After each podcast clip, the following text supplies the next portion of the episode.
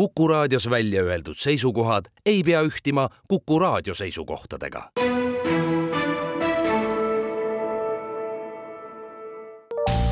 terviseks. saade valmib koostöös Ida-Tallinna Keskhaiglaga. vaata ka itk.ee tere, head Kuku raadio kuulajad, eetris on saade Terviseks ja kui me eile rääkisime epilepsiast, siis tänasel teemal jätkame. mina olen Ingela Virkus ja koos minuga on stuudios Ida-Tallinna Keskhaigla neuroloog Kristiina Truupõld, tere! tere! No on haigusi, mis esmapilgul mingeid sümptome ei pruugigi näidata. generaliseerunud epileptilise hoo puhul, kui inimene kaotab teadvuse ja on nähtavad lihastõmblused, siis tuleks osutada kindlasti esmaabi, et mida siis tohiks ja mida mitte teha, ehk kuidas siis olla kõrvalseisjana abiks epilepsiaga inimesele? jaa, epilepsia hoo korral siis kõigepealt oleks vaja vaadata, et äh, kui see inimene hoo ajal kukub, et ei oleks mingeid teravaid asju läheduses, tagada, et tal oleks nii-öelda turvaline keskkond võimalikult ja võimaluse korral siis äh, panna ta külili asendisse. Ähm, ei soovitata kunagi midagi suhu panna, sest et äh, aitaja võib ise sellega endale pigem kahju teha Äh, ja samamoodi jah, mitte mingeid vedelikke ka suhu panna, et lihtsalt jälgida patsienti, inimest hoo ajal, äh, soovitatav on vaadata kella, et see hoog ei kestaks üle viie minuti.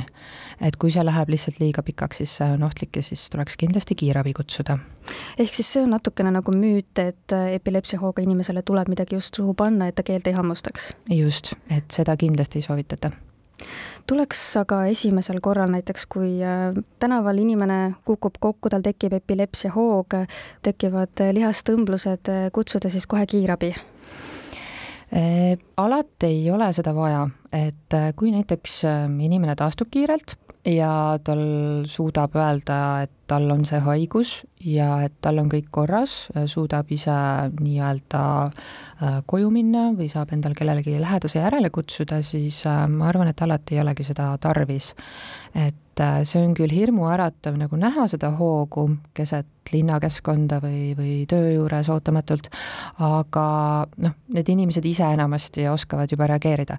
kui inimene ise ei taastu, on näha, et on segaduses või, või jääb väga uimaseks, et siis soovitaks kutsuda kiirabi kindlasti.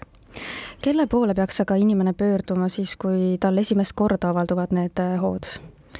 Äh, epilepsia diagnoosib ja siis ka vastavad uuringud ja ravi määrab neuroloog lasteeas siis avaldudes äh, lastearstid ja laste neuroloogid tegelevad ja siis täiskasvanute neuroloogid, kui see avaldub täiskasvanu eas. nii et jah, esialgu peaks siis rääkimagi oma perearstile, kellelt saab saatekirja neuroloogile ja siis juba pöörduma neuroloogile aga mida seal neuroloogi juures tehakse, et kas tehakse mingeid teste, küsitakse mingeid küsimusi, et milleks valmistuma peaks?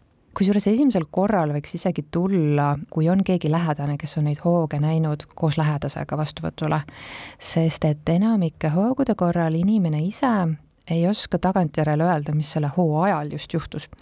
ja see aitab nagu palju lähemale, täpsemale diagnoosile jõuda. nii et äh, kui on keegi, kes on neid hooge näinud äh, pealt, mõni kodune lähedane, siis äh, soovitaks tema kaasa võtta. ja jah, loomulikult me vaatame patsiendi üle võtame põhjaliku äh, anamneesi ehk äh, haiguse ajaloo ja tihtilugu suuname siis kahele põhilisele uuringule, milleks on siis äh, aju kuvamisuuring magnetresonantstomograafia, mis teeb siis aju struktuurist kihilise pildi, vaatamaks, et seal ei ole mingit põhjust epilepsiale. Ja teine uuring siis, mis näitab aju funktsiooni, on EEG uuring, elektroentsefalograafia.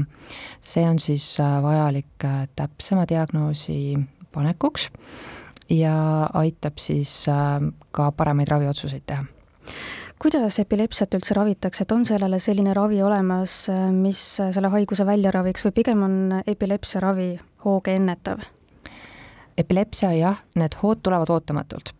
Ja siis ei piisa, kui nii-öelda tekib hoo tekkimise tunne, et siis võtta ravimit, et sellest ei piisa. jah, et äh, ravi, põhiravi on tegelikult ennetav ravi ja see tähendab siis igapäevast ravimite võtmist selleks, et suruda alla siis neid äh, epilepsia generaatoreid oma ajus, et nad ei tekitaks neid hooge üldse. see siis tähendabki tavaliselt aastatepikkust ravi tarbimist. eluaegset siis ikkagi põhimõtteliselt? me vaatame seda raviotsust üle mõne aja tagant, et on ka väiksem protsent inimesi, kes näiteks saavad mõne aja pärast ravimitelt maha ja need, kellel näiteks ravimid ei toimi, siis tuleb ka kaaluda näiteks kirurgilist ravi, et äh, kui seda on võimalik pakkuda. mida see kirurgiline ravi endast äh, kujutab? näiteks kui inimese epilepsia põhjus on äh, ajukasvaja või me leiame magnetoma-, resonantstomograafial ajukoore sellise arenguhäire, mis täpselt klapib ja sealt need hood algavad Äh, ja see on tõestatud ära EEG uuringutega, äh, siis äh, osadele patsientidele jah, on võimalik pakkuda kirurgilist ravi, ehk siis selle kolde eemaldamist. ja kui me siis selle epileptogeense, neid hooge tekitava kolde eemaldame, et siis me ootame ka seda, et hood nii-öelda katkeksid.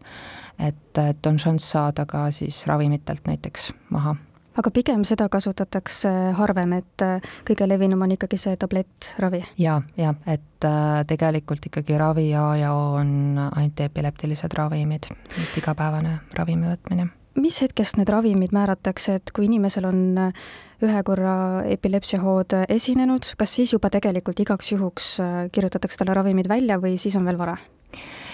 Et oodatakse see teine ja kolmas hoog ka ära või kuidas?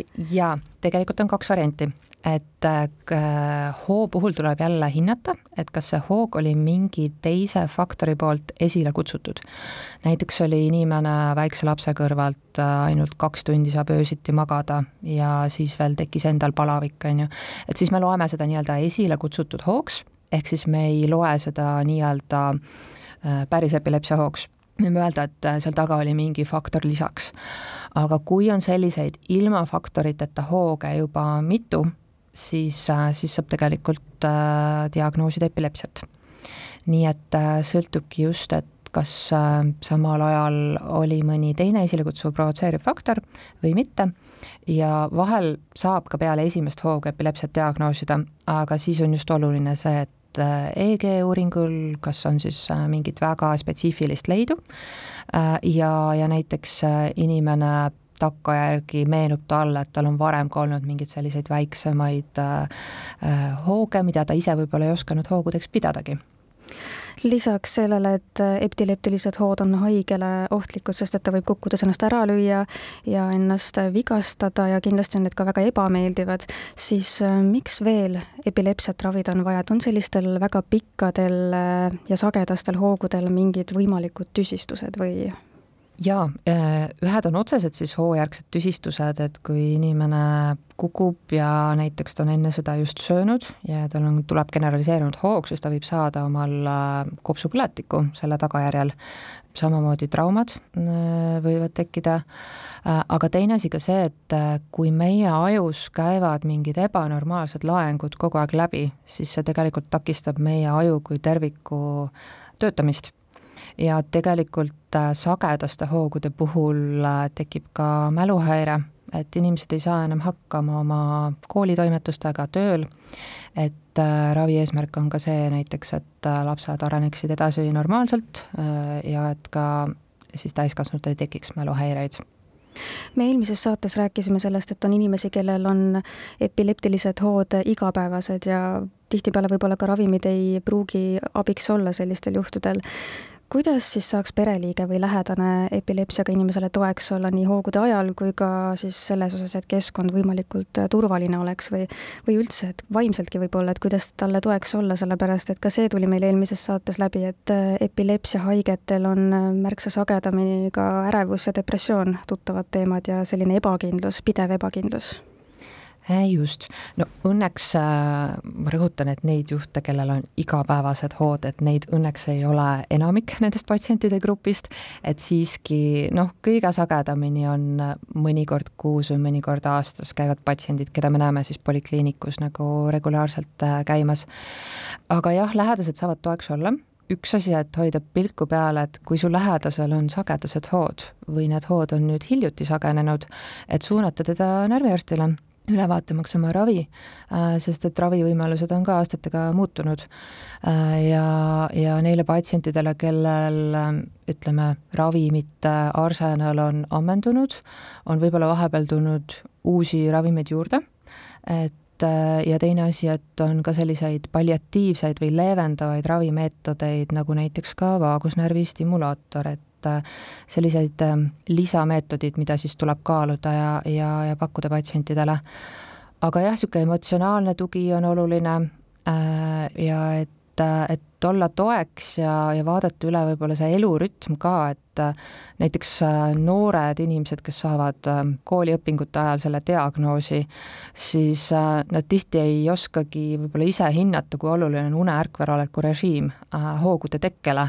et, et tegelikult näiteks uni on ülioluline faktor, mille peab üle vaatama, et see oleks korras, et inimene saaks ennast välja magada, siis on ka hoogude tekkerisk palju väiksem ja samamoodi noh, alkohol väga sage provotseeriv faktor kahjuks äh, elanikkonnas äh, ja, ja muud meelemürgid ka, et äh, inimesed teaksid ise ka hoida oma tervist aitäh teile saatesse tulemast ja nõu andmast, Ida-Tallinna Keskhaigla neuroloog Kristiina Truupõld ning palju jõudu ja jaksu teile! aitäh!